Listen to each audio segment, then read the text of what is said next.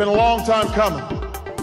But tonight, because of what we did on this day, in this election, at this defining moment, change has come to America.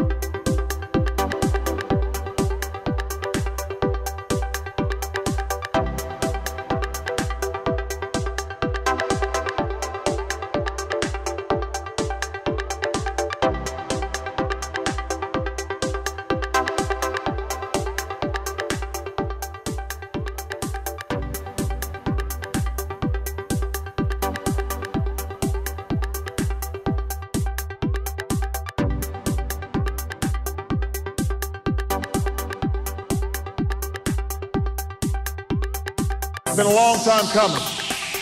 But tonight, because of what we did on this day, in this election, at this defining moment, change has come to America.